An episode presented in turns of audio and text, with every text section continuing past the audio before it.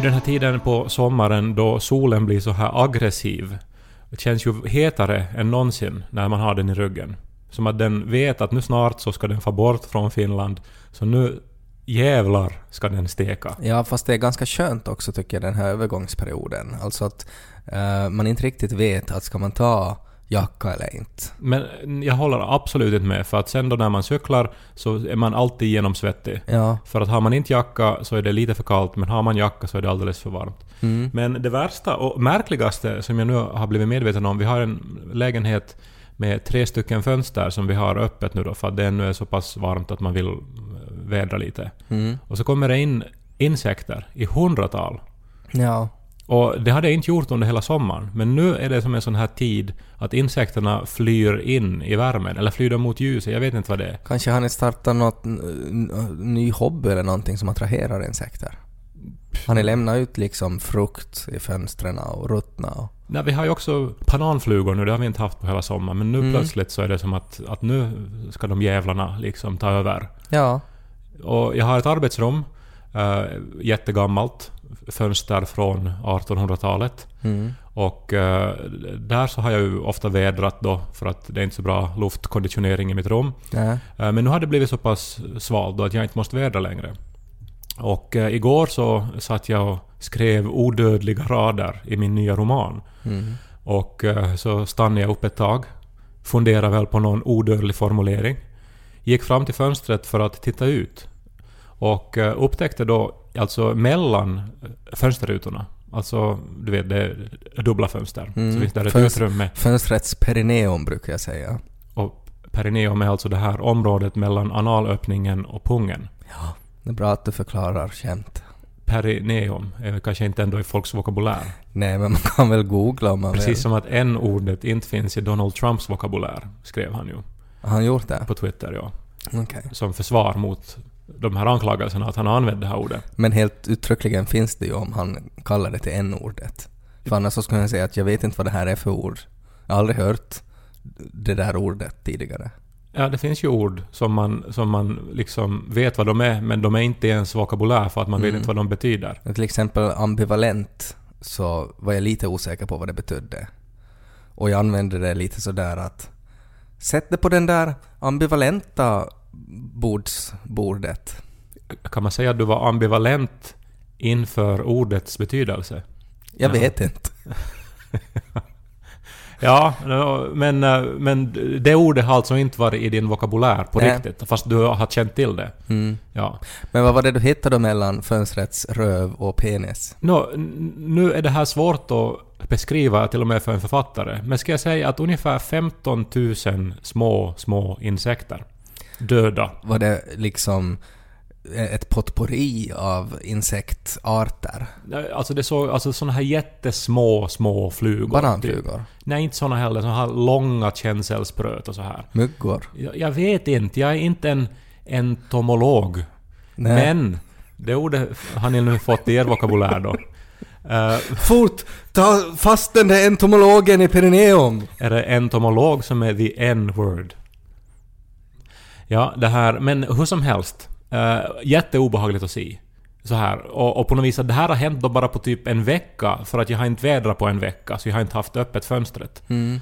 Och sen så började jag tänka eh, på att jag satt och lyssnade på eh, en gammal CD som jag hittade. Jag ägde ju jättemycket CD-skivor som, som tonåring. Ja. Och de två första CD-skivor som jag köpte var Magnus Ugglas Greatest Hits Mm. och Just Des Greatest Hits. Vet du vad Just det var? Eh, det var någon så här hiphop-aktig... Går det liksom, fast det här är en svenska öllepodd, att lyssna på tre sekunder? Nej, det går inte. Bara för att visa Nej, vad just det det, går var? inte. Det går inte. Men är det inte någon så här... Tun, tun, tun, törren, tun, tun, tun, tun, törren, och så kommer det där. Det är just det. Nej, inte alls. Tror jag. Eller kanske de hade någon sån, jag vet, men i alla Nej fall. men sjung du då så Nej men alltså det här var ju alltså en svensk hiphopgrupp, jag skulle säga rapgrupp, då när, Ja. alltså innan det fanns svensk hiphop. Alltså de var pionjärer och, och de gjorde såna här eh, humoristiska raplåtar. Det var Mhm. en var ju som var, var jättekänd var Vart tog den söta lilla flickan vägen? Ingen Okej. som vet, ingen som vet. Var en sån Okej. här låt. Så de var liksom Markoolio före Markoolio? Ja, ganska faktiskt. Bara att de då också var pionjärer med rap då. Mm. Att de till exempel Uh, alltså det existerar liksom ingen, ingen vokabulär eh, kring rap. Så att de till exempel De var pratar bara en orkester som sjöng snabbt. De äh, pratar inte om att rappa utan om att rabbla. För att de försökte liksom försvenska det hela. Och så pratar de om rim istället för rhymes. Jag är en rabbelartist. Ja, nej, men, ja, men det här var innan det En fanns rabble svenska. battle. Och det var en trio och de hette Ja. saker som Dr. C och Gurra G. Och så just det. Ja, men typ. Mm. Eh, och eh, jag älskar ju den här skivan. Ja, jag, jag, jag skulle vilja lyssna på dem nu. Ja, men alltså jag, jag inte bara då lyssnade jättemycket på den, jag var så otroligt uh, tänd på de här texterna att jag skrev en bok med deras texter. Alltså jag skrev av dem och det var ju hemskt mycket för de rappar ju väldigt snabbt. Rabbla, Alltså förlåt. du i princip... Alltså du kopierar text, alltså ord för ord. Du bara fly, liksom sådär, sådär som de skrev bibeln för munkar. Alltså CD-skivan saknade texthäfte. Det Ja. fanns inget internet. Ja, så du transkriberar Jag transkriberade dem, ja. Jag kanske uttryckt mig dåligt. Så jag skrev på min skrivmaskin ett, eh, en bok med deras texter. Och eh, det var ju också roligt för att jag hörde ju inte alltid vad de sa, så ibland, jag har någon gång läst i den här och det är ju helt som att jag skriver, vet du, fonetiskt vad jag tror att det är. eller, eller som hittar på något ord som Men är det är ju ganska på något nära. sätt hemskt, eller jag vet men det är bara en rolig bild det att man, en tonåring sitter och lyssnar på vart tog den söta lilla flickan vägen? Och så paus och så hör man ljudet av en skrivmaskin och så tar om följande mening igen. Ja, no, men hellre det än att som idag sitta Men var det- i var liksom- oändliga liksom Instagram-ångest, eh, det här selfie-kedjemöten. Vad gjorde du sen med de här texterna, när du hade dem då? Nej, jag hade dem i min hylla och framförallt kunde jag ju dem utan sen efteråt. Okej. Detsamma gällde för Magnus Uggla. Jag skrev av alla hans låtar och låttexter också i ett sånt här häfte. Mm. Och eh, kan än idag i princip alla Magnus Ugglas låtar utan till. För Mm. de, vet du, det, man lär sig när man är 11. Så det eh, sitter kvar, åtminstone Ja. för mig. Så är det. Ja. Men nåja, eh, de här texterna, jag, jag lyssnade då igen på, på just det, för att jag kom att eh, tänka på dem häromdagen. Mm. Och de här texterna är ju alldeles fruktansvärt sexistiska och liksom homofobiska och riktigt som så här unkna, riktigt så här obehagligt unkna. Och nu menar Till skillnad bara... från moderna rabbelartister. Ja, no, det lyssnar jag faktiskt inte så jättemycket på. Nej. Så att jag vet Men det, det har inte ändrats så mycket. Nå, men i, det måste ju ha ändrats. Alltså, åtminstone i svensk hiphop. Alltså jag kan inte tro att någon svensk hiphopartist skulle kunna skriva såna här rader om pilliga brudar eh, utan att idag liksom få löpa gatlopp. Ingen aning. Ja, nå, ja, jag, vet, jag vet absolut ingenting om det. Men jag vet att det som jag fyllde min hjärna med eh, som 11-åring, eh, för nu räknar jag också Magnus Uggla hit, var ju texter som var roliga då, men som vet du, har totalt inte åldrats bra överhuvudtaget. Mm. För att tiden har ändrat. Ja. Och så tänkte jag då att vi, liksom, vi föddes för sent. Att vi föddes för sent. Ja, precis som de här insekterna i det här fönstret. Vi föd, alltså de föddes precis när fönstret höll på att stängas. Så den värld som de föddes in i så liksom slöts lufttätt och glömdes bort. Att vi växte upp med eh, hu- humor och no, raptexter och liksom en sån här värld som precis höll på att dö. Och att de som hade liksom, alltså generationen innan oss hann ändå göra karriär inom den världen med den humorn och den... Ja, för de upplevde inte själva dödsögonblicket. Precis. Som vi har varit med om. Ja, men vi var med om det och det innebär att allting som vi lärde oss om humor och ra- raptexter så blev värdelöst. Men då är ju ändå vi i den yngre kurvan av de människorna som har upplevt den här döden. Om man tänker att de som är i, den här äldre kurvan så har ju ännu svårare, för att vi kan ju ändå anpassa oss. Vi vet ju att det är opassligt nu. Men i den här äldre generationen, Men är det inte så att det är bara vi som måste anpassa oss? nej, för att äldre människor finns ju nog också i samhället och de tvingas ju också anpassa sig. Jo, men de man måste säga på Twitter att man inte har en ordet i sin vokabulär. Men att man förstår ju inte liksom varför man måste göra det. Man bara vet att man måste göra det för att inte uh, få sparken. Men det känns ändå som att man har, på något vis blivit fråntagen 20 år av sin utbildning. Vet du, att allting som man har på något vis eh, samlat samla på sig all den kunskap om hur man skriver skämt, hur man skriver eh, sångtexter, hur man berättar en historia, så, så blev som fråntaget det. Men det är ju ändå anpassningsbart. Det är ju inte som att du har gått en... en eh, Möjligen anpassningsbart, men det blir aldrig så bra som om man skulle ha fått använda Nej, hela sin så verktygsstock. är, det, så, så är det ju förstås. Men, men det är ju ändå inte samma sak som att du har eh, gått en utbildning och lärt dig någonting som inte finns något mer. Liksom att, att jag till exempel har gått en utbildning i att flyga zeppelinare och så går det inte att göra det något mer efter Hindenburg till exempel. Och då, vad gör jag med den kunskapen? Absolut ingenting. Jag har bara en massa studiepoäng i zeppelinare. En bra liknelse tycker jag faktiskt, fast, Ja. fast, fast den är gammal. Jag vet inte, vet folk vad en zeppelinare är? Jo, folk Luftskepp. vet. En entomolog perineum i en zeppelinare. Men vi föddes för sent. Men är det inte lite sådär att egentligen alla generationer kan uppleva samma sak? För det är också en del av livet och en del av att växa upp i att konstatera att det här som jag trodde att jag hade någon hum om så inte det är ju riktigt så något mer. Ja, men nu har du och jag båda två gått kurser i maskinskrivning också. Mm. Eh, Ett år innan kursen Ja, avslutades. men här är grejen. Det är fortfarande samma system med tangenterna som det var då. Mm, Så det, det där är ju en otroligt dålig liknelse, för att det där är ju faktiskt... och de här kurs- veckorna när vi övar det här tab-systemet. Ja, nå, det är onödigt, men att just tiofingersystemet är ju verkligen applicerbart idag. Och de här kurserna i kartotekssökning och informationssökning i bibliotek. Ja, men det är kanske inte lika användningsbart. Boen Burmo puuttuu Österbottning Som talar sitt så popna popcorn Så börjar vi Popnu denna popcorn Så börjar vi Lys på Ted och Kai På tal om Magnus Uggla och just det, så såg du den här nyheten att världens mest sålda album inte längre är världens mest sålda album. Nej, spännande. Jag har ju alltid varit jätteintresserad av försäljningssiffror. Ja. Och det var ju länge Michael Jacksons Thriller som var det mest sålda albumet någonsin. Mm. Eagles Greatest Hits har varit där, ABBA Gold har varit där. Mm. Men nu menar du att det är någonting nytt? Nu är det någonting helt nytt. Vet kan du vilken det är? Men det säljs ju inga album längre. Vill du gissa? Vilket album är världens mest säljande album just nu? Kambemark soundtracket. Nej, det har inte kommit ut ännu. Nej. Men Vill du ha en seriös gissning? No, men det är ju överraskande för det säljs inga album, så vad skulle det kunna vara då? Någon sorts... äh, nej, alltså jag har ingen aning. Absolut inte. Men du måste gissa. Men är det här liksom ett musikalbum? Ja.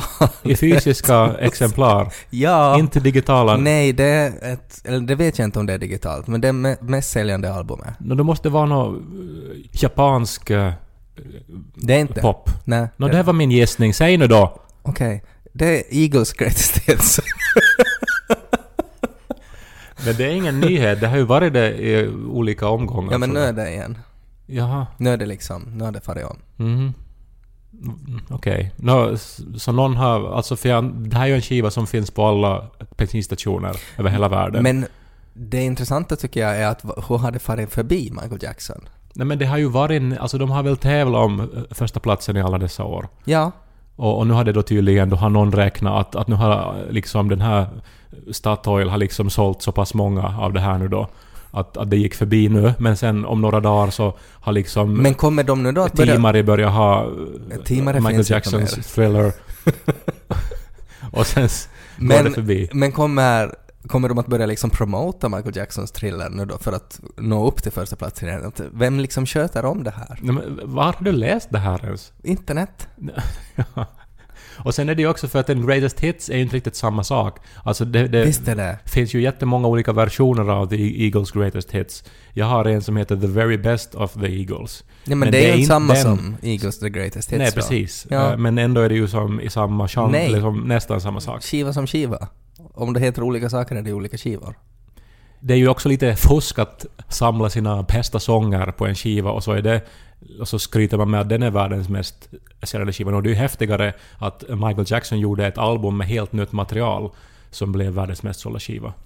Eh, jag tappar lite intresse för den här diskussionen så jag tänker att vi ska byta uh, sidospår. Eh, vet du vad som är världens äldsta musikstycke? Hur gammalt tror du? Som, som finns liksom kvar. Gammalt tror Men att finns det är? kvar på vilket sätt? Men inspelning? Uppskrivet, uppskrivet, hur man ska spela det. Nå, det måste ju vara...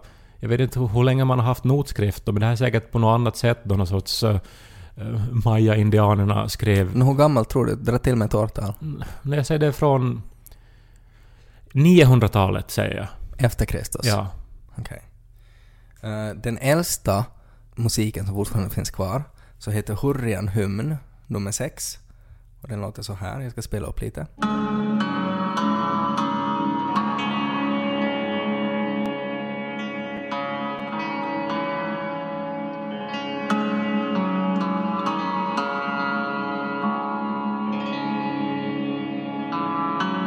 Otroligt tråkigt alltså. Och det här är 1400 eh, före Kristus från typ Syrien. Men hade man då så här reverb och liksom... Nej, men det, är, det där är ju förstås en, en ny tolkning av det. Och säkert finns det någon hipster som är sådär att jag lyssnar nog på det där före det var coolt. Men så man har hittat någon sorts notskrift någon som man har lyckats tyda nu då? På en stentavla så står det utskrivet hur man ska spela den här. Men sen är det lite sådär upp till debatt för att, att sen är det liksom ett hack som också kan vara liksom e- ett misstag som ändrar liksom på precis hela hymnen, att hu- hur man ska göra den. Vadan det här intresset nu då för musik nu då? Nej, jag tyckte bara, jag läste bara det här om att nu har äntligen uh, The Eagles Greatest Hits blivit liksom världsetta. Och så blev jag bara intresserad och så googlade jag lite bara att vad är liksom den äldsta musiken som finns? Ja. Och det var Hurrian hymn. Hurri är en hymn. Mm. Och det är ju lite roligt också att, att det är nästan hurri. Men vad gör vi med den här informationen Nej, då? det här är på samma sätt som vi har lärt oss var en entomologs perineum är idag så kan vi väl lära oss vad den äldsta musiken är. Det är väl inte... Det här är ju public service. Men var gjordes det här musikstycket då? I Syrien. Syrien, just det. Okej. Bra. 1400 före Kristus. Finns på Youtube. Tyckte du det var tråkigt? Information det här. Jag, jag jag säger att det är ingenting. Det är liksom trivia. Sa mannen som har gjort 30 instastory om en lök. Men löken har ju... eh, Det är ju någonting nytt och eget och personligt. Det här är ju bara sån här... men du att, kan inte att du har suttit i att- dina boxar Ja, men du kan- liksom ihopsjunken i din fåtölj och läst trivia på internet. Kai, du kan inte tycka att det är ointressant att vi har i den här podden spelat upp det äldsta musikstycke som finns. Nej, om det Mm, skulle... som, men som det mänskligheten... Det lät ju som Vangelis som Nej men det är ju klart att det fanns ju inte mikrofoner 1400 före Kristus. Nej men hellre, då skulle jag vilja höra den första ljudinspelningen som gjordes. Nej men det kan jag också ta reda på. Vi tar en liten stund.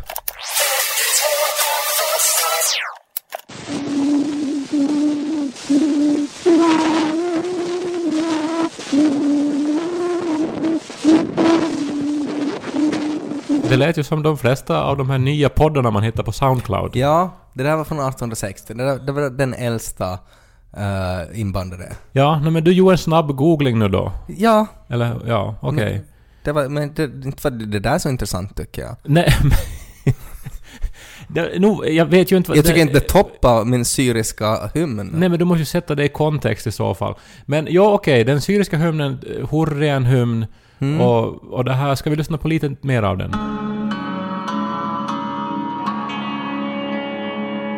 Ser du inte de här syriska krigarna som sitter runt den här lägerelden? Och så tänker de att det är ganska länge sedan vi har sjungit vår hu- hymn till Hurrian. Och så säger de ja, Gregor, vi slaktar geten och så sjunger vi den här. Och så, så tar då Gregor och, och, och plockar fram sin luta eller mandolin eller vad det nu är och så börjar de spela. Jag inser ju nu att helt 100% säkert så hade man inte på den här tiden samma liksom tonhöjder och tonintervall som vi senare då har liksom tagit. Jag vet inte vad det där betyder. Nej men de där tonerna som används där så är toner som man skulle hitta på ett instrument än idag och det är helt omöjligt att de hade de tonerna och använde dem Ja men de har väl just då. beskrivit det på ett sånt sätt så att man kan applicera det till olika instrument. Det här är helt uppenbart fake news och du får på riktigt skärpa dig när du googlar liksom trivia till den här podden.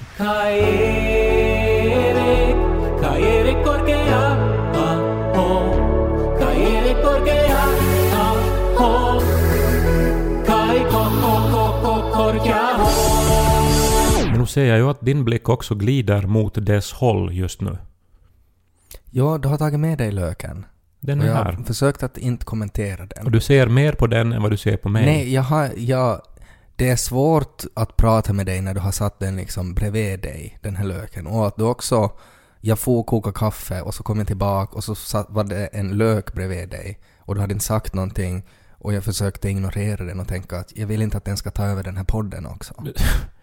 Nu vill du ju det, du tog ju själv upp den också. eh, för att eh, Ja. den är så med, alltså du, du är så medveten om dess du, närvaro. för alla som inte, för, du, Kai K heter du på Instagram och för alla som inte har följt dig där så, så den har varit väldigt aktiv där.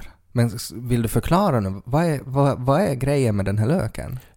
Alltså jag och Niko gick på stan och, och bara flanerade. Vi gick i olika affärer. Plötsligt i en affär i centrum så var den framför mig. Och jag visste genast att det här är någonting nytt som jag har behövt i mitt liv. Eh, och när sa... Bestämde ni er att ni skulle få och flanera? Att fråga du av Nico att ska vi gå och flanera idag? Och så sa han att ja.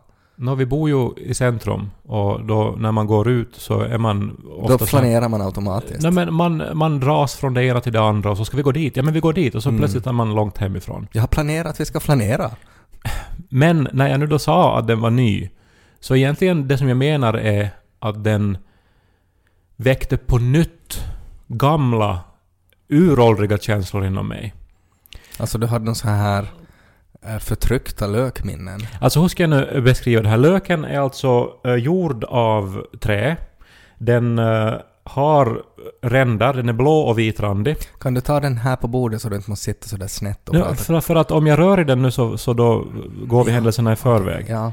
Och eh, den ser alltså ut som en, som en lök så här till sin form. Mm, jag, jag tänker på något sätt på ett cirkustält, eller som någonting som skulle kunna vara på en sultans turban ser den ut också lite. Ja, eller tänk nu liksom på lökkupolerna eh, på Röda torget eller Uspensky Mm. katedralen eller Ja. så här. Eh, Alltså den ju, har ju någonting ryskt över sig, om vi säger så. Och eh, när man tar tag i den så, så låter den. Den, den Mm. innehåller alltså någonting, ja, jag vet inte vad det är, det, Ja. det, det står inte, eh, men den låter så här. Ja, det är något, något Tove Janssonskt över den också tycker jag. Nu la jag den mitt på bordet. Mm. Nu är den mitt mellan oss. Uh, alltså det är någonting, jag vet inte om du gillar Wes Anderson? Nå, sådär. Ja, när vi såg- är lite för konstig tycker jag. Vi såg på The Life Aquatic with Steve Zissou, en Mm. film som kom för länge sedan, Bill Murray. men som jag gillar hemskt mycket. Ja. Och eh, den är då ganska re- representativ för Wes Andersons stil. Det är ju som på något vis en värld som man nog känner igen, men den är på något vis lite upphöjd och mera fantasifull. Mm. Och liksom, det, är- det är väldigt starka färger och, och liksom folk ser rakt in i kameran och liksom gör lite överdrivna miner och så här. Alltså den är som på något vis lite förhöjd. Och eh, lite grann så tycker jag den här löken är också, att den som på något vis... Den är li, lite från en annan verklighet. Nå, den är ju en, ser ut som en lök, men den är blå och vitrandig och så låter den. Jo men det är på något vis det här med att den saknar ett uppenbart syfte. Alltså, någon har varit så här att ja, men ska man alltså, är det som en prydnad som man hänger typ i julgranen eller någonting? Men nej, den har ingenting man kan hänga någonting i. Men borde det vara någon sån där, alltså att den skulle ha någon sorts intressant lore, eller så här någon backstory, att, att det var liksom mannen som uppfann den här löken så hängde sig sen och så hittade man honom och så på bordet fanns den här löken och man vet inte riktigt, lite som Voynich-manuskriptet, att man har inte riktigt någon aning om vad, vad, vad grejen med det är. Men du är faktiskt nu tycker jag liksom i rätt eh, vatten här. Mm. Alltså det är det här som jag älskar med den här löken och som gör att jag har upplevt mig vara mer harmonisk nu än på jättelänge. Det som ju är roligt med den är ju att den är ju en lök, men att det du beskriver är ju att den har flera olika lager. Vilket ju en lök har. Precis, ja, du, du har all- alldeles rätt. Eh, Men den på något vis väcker till liv fantasin. Och det är väl det. Mm. Att idag är man så här så upptagen med, med vardag, amorteringar, te- telefonräkningar, äh, min roman som måste skrivas, vi ska få ett möte dit, vi ska spela in podcast och så här. Allting är väldigt så här praktiskt, det här är väldigt så här eh, rutin. Men så kommer då en sån här lök och på något vis tar plats i mitt liv. Och jag bara tittar på den och jag är som att jag vet inte varför jag gillar den. Den här har inget eh, konkret syfte, men den får mig att må bra.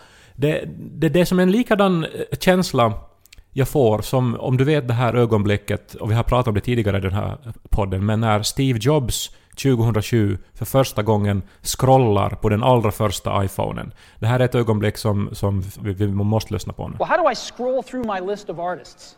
How do I do this? I just take my finger and I scroll. It. Publikens reaktion där, det, det är ju det som jag känner. Alltså det här...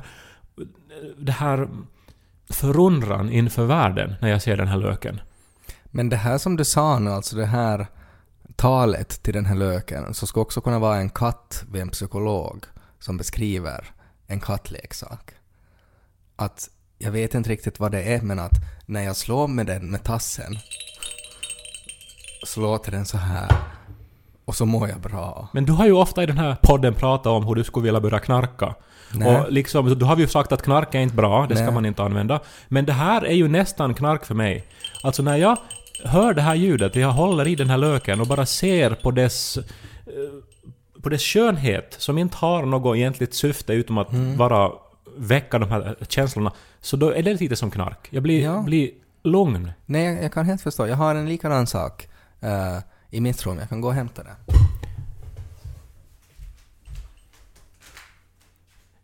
Ted gick nu alltså in i sin... Alltså det är inte ens en man cave, det är någon sorts sån här barnrum som han... Oj, nu, ja. Det är metalltärningar i en metallskål. ja Känn okej. på de här tärningarna. Ja, jag gillar det Känn här. tyngden Jag på gillar den. det här. Hör du hur det låter när man sätter den i skålen? Ja, okej, det här är bra. Ja. Eh, är det till något spel eller har du bara köpt No, dem? man kan ju spela det med, men jag har köpt det för jag tycker de är fina och jag tycker om tyngden i dem. Ja, no, men de och här... det är lite terapi att sitta och hålla på med dem. Ja, och, och de har alltså så här fint eh, liksom snidade siffror. Eh, Det är liksom inte en sexsidig tärning, de är olika. Alltså till exempel den här har säkert 20 olika sidor. Ja, det är liksom rollspelstärningar i princip. Okej, nå- Jag är bara förvånad alltså, för att för mig är ju det här ett, ett väldigt bekant fenomen, alltså att man hittar någonting som man visuellt tycker om och så här eh, textuellt också tycker om att känna på och ta på och sådär. men det är ju en sorts fetisch det handlar om. Alltså Ja. i sin, i sin eh, i, i, egentliga ursprungliga bemärkelse. Nu utökar vi ju lyssnarnas vokabulär. Men har inte fetisch bara att göra med liksom sexuell tillfredsställelse? Nej, nej, nej.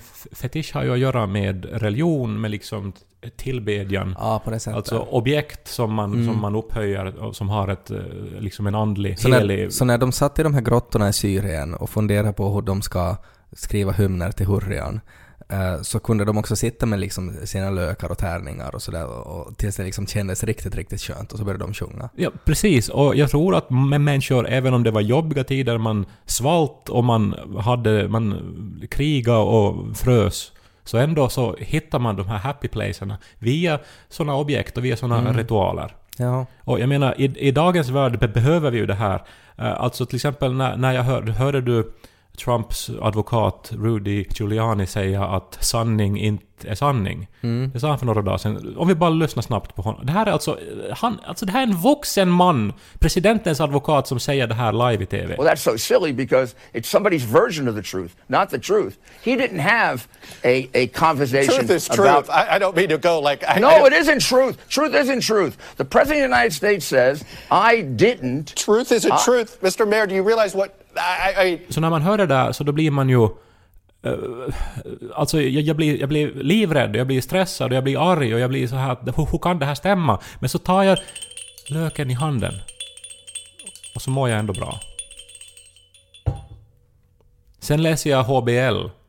Och så är det den här trenden nu då att HBLs kolumnister skriver kolumner om klimatångest och om hur man inte borde flyga och de skriver de här kolumnerna ombord på flyg och det är hela jotton med kolumnen då.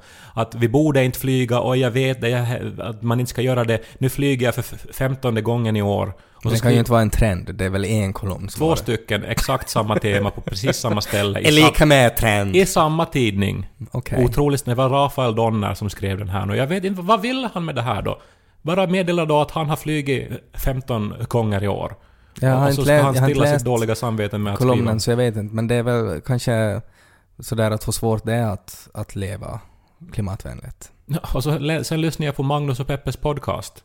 Som jag, som jag tycker om. Men i senaste avsnittet så pratar de precis om det här med att flyga och, och ha dåligt samvete. Och så formulerar de någon sorts regel om att man inte ska få flyga om man bara vill bada på ett annat ställe. Men om man vill förbättra världen så då får man flyga. Om man vill utforska så då ska man få flyga. Men inte om man vill få på semester. Ja, det låter lite ohållbart det där tycker jag. Ja, och det här säger alltså de som väljer att pendla mellan Norden och Los Angeles, alltså en 10 timmars flygresa, och de vill bo där för att de ska klippa podcasts, för det går inte att göra hemma. Men kanske de förbättrar världen också. Men så Ja, löken är i princip alltså samma effekt som Lo har med sitt täcke, sköldpaddstäcke. Att när han skriker och allt är hemskt så då måste han ha sitt täcke. Känsla av förundran. Så här, det, det som endast ett barn kan känna när det ser en hoppborg eller en cirkus. Så egentligen hela grejen med den här löken är att du inte vet vad den är. Jag, jag vet att jag mår bra av den. Men har... att om det skulle visa sig att den har en funktion, att det här är liksom en det här är en sån där lök, så då skulle hela grejen försvinna. Nå, inte skulle den vara lika magisk, Nej. förstås. Jag såg på bussen så var det en äldre herreman som såg ganska exakt ut som Jörn Donner. Och han hade på sig, eh, det regnade och han hade på sig cy- cyklop. Alltså så här simglasögon. På sina glasögon. Alltså, regnade det riktigt mycket? Det regnade sådär att man måste ha paraply, men att han hade, han hade inte paraply utan han hade på sig ett cyklopöga. Och annars hade han kostym. Och det här tyckte jag var jätte, jätteroligt. Och jag tog ett foto av honom som jag skulle visa på jobbet och, och sen så var det Petski. Så sa han att ja fast det är inte ett cyklop att, att han har antagligen opererat ögonen och därför är det som ett sorts så här vindskydd som han har på sig. Och då ville jag slå honom på käften. För att då förs- försvann ju all magi i att det fanns en sorts magisk eh, dykare som bor i mina kvarter och åker buss med cyklop. Och istället var han bara en, en, en gammal gubbe med starr. Ja, men man vill faktiskt inte veta syftet. Nej, Man vill bara revel in the wonder. är det en Eagles-låt det?